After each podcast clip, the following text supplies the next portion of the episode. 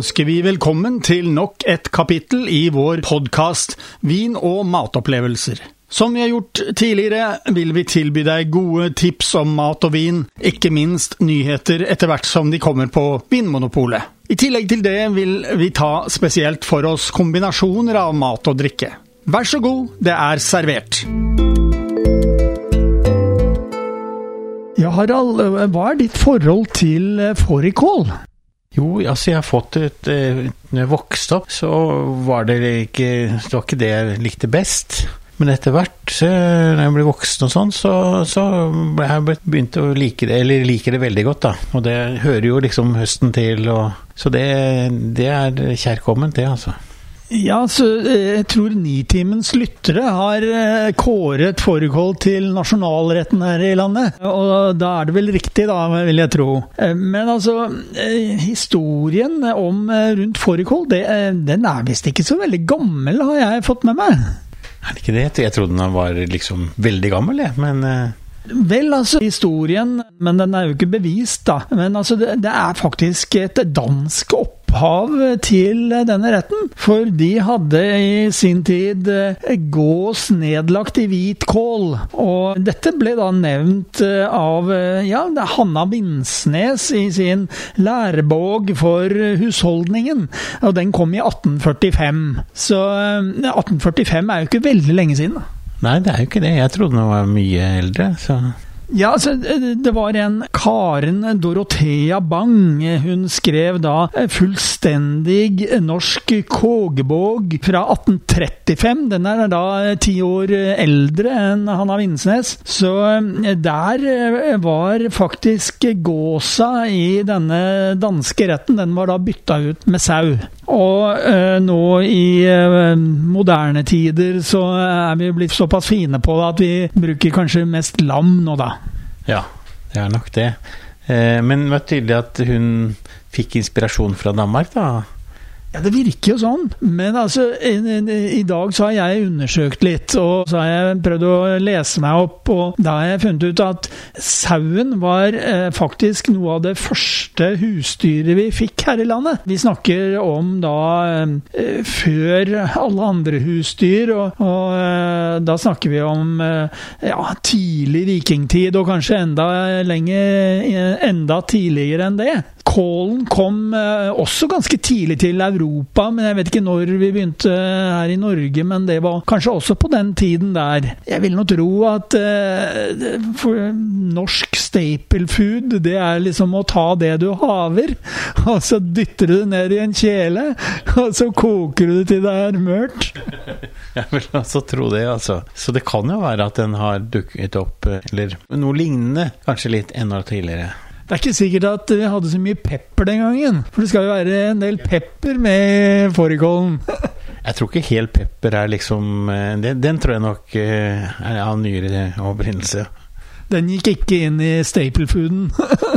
men, eh, men, hva er det du drikker til fårikål, da? Ja, altså jeg har jo tenkt på øl og, og dram, altså akevitt. Det er vel det jeg har drukket. Jeg tror ikke jeg har drukket noe særlig vin til uh, fårikål før.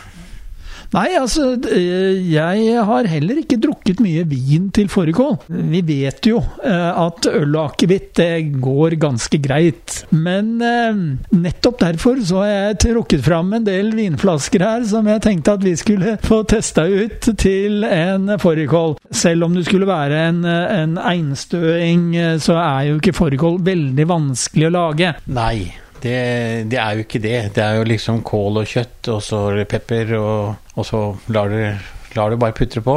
Altså, jeg gjorde akkurat det du sa.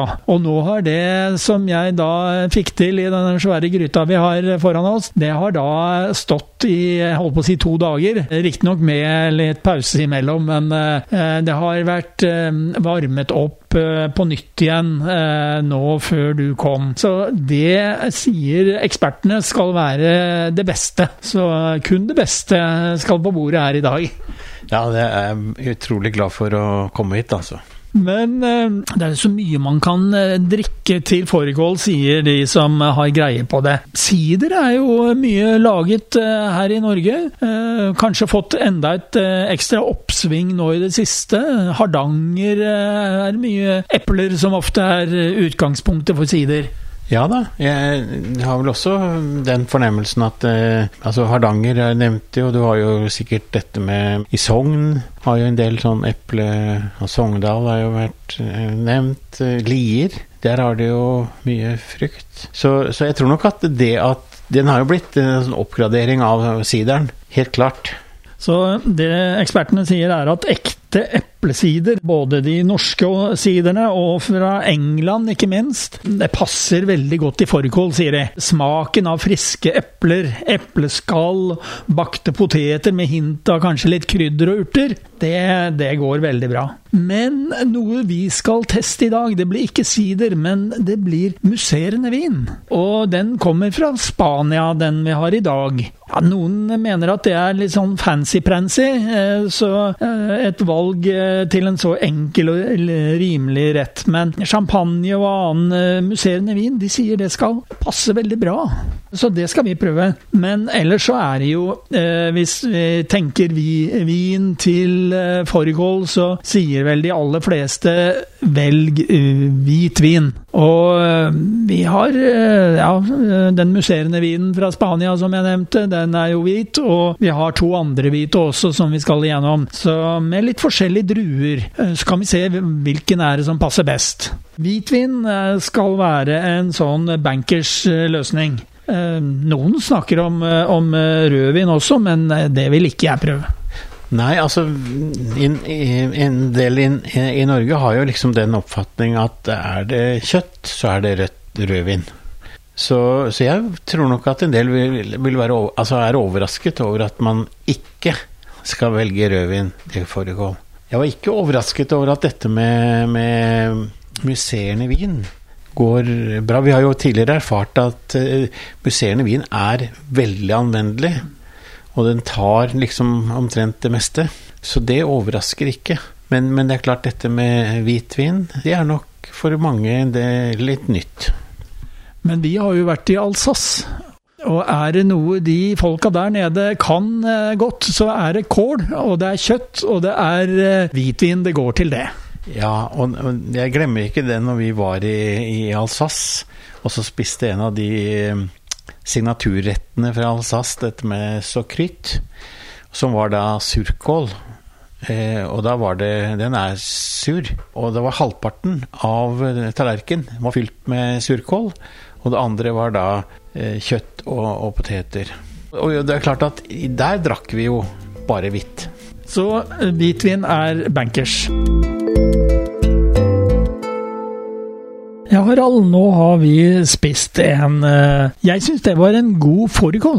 Ja, det syns jeg òg. Og du hadde jo vært veldig flink til å krydre den. Altså hatt en del urter i, og, så det var en veldig god smak på det. Og så var det mye saus. Ja, jeg brukte stort sett Skien. Men uh, i hvert fall, vi hadde tre viner som jeg uh, snakket om. Den første, det var uh, jeg, jeg, jeg, er veldig usikker på om jeg kan kalle det en cava, men, men det var en musserende spansk vin fra Rueda og den eh, Ja, jeg, jeg gjetter på at druene var plukket i 2018. Nå, nå, vet ikke jeg om det var et veldig godt år, men uh, i hvert fall. Da lurer jeg på om uh, hvordan den passet til deg. Har du smakt den før? Ikke det jeg vet. Jeg tror ikke det. Og jeg har ikke smakt musserende vin fra, fra den, det området, Roeda. men jeg syns den var veldig god. Du opplever den som drikkevennlig?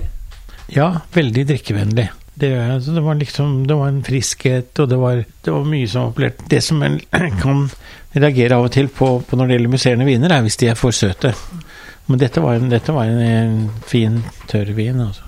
Om det var fruktsødme, eller om det var sødme i vinen, det vet jeg ikke, men det kom ikke noe, i hvert fall ikke noe fram, syns jeg, da. Så jeg ble overrasket hvis det var uh, mye sukker, det, men det kan jeg ikke tenke meg. Og dette var altså en vin som het eh, Carasvinias. Sannsynligvis så er disse druene plukket i 2018, og grunnen til at jeg antar det, det er at eh, den er laget på samme måte som i champagne.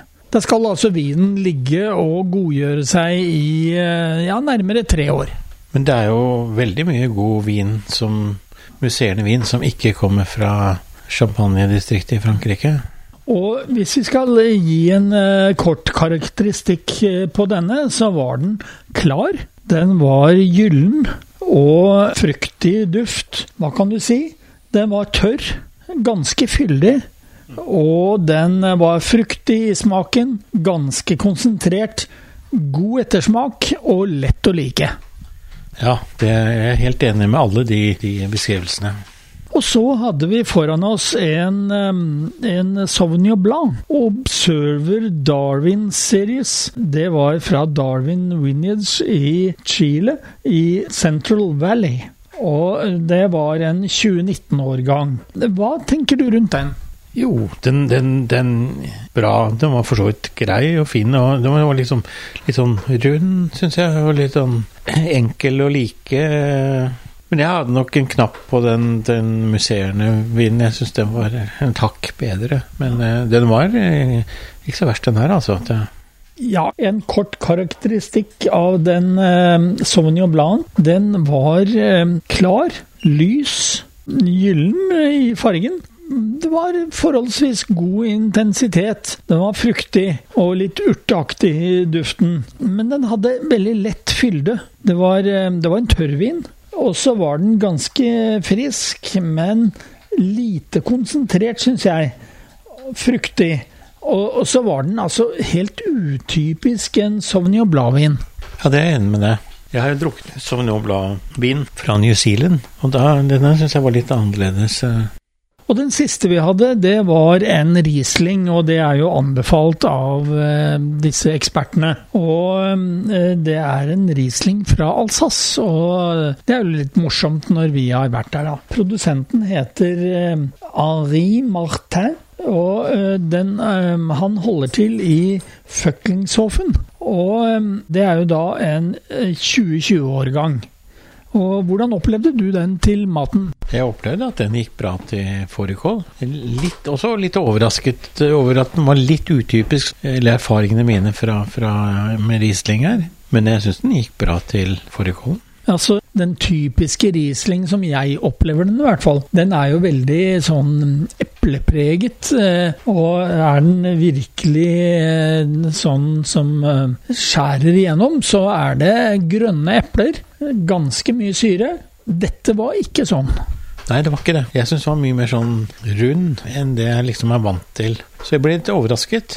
Ja, god, god lett drikkelig vin. Det grei og enkelt på en måte å bli den skrubbet jo ikke med maten, og eh, en kort karakteristikk av den også. Den var klar, den var lys, og den var gyllen. Fruktig duft. Og så var det altså ja, ganske fyldig, men eh, og den var tørr. Og det var en ganske frisk eh, vin i smaken. Den var ganske konsentrert og ganske lang. Du kjente litt sånn svak mineralitet i, i smaken, syns jeg. Men uh, at den fungerte godt til maten, det er jeg ikke i tvil om. Nei, det er jeg helt enig med deg.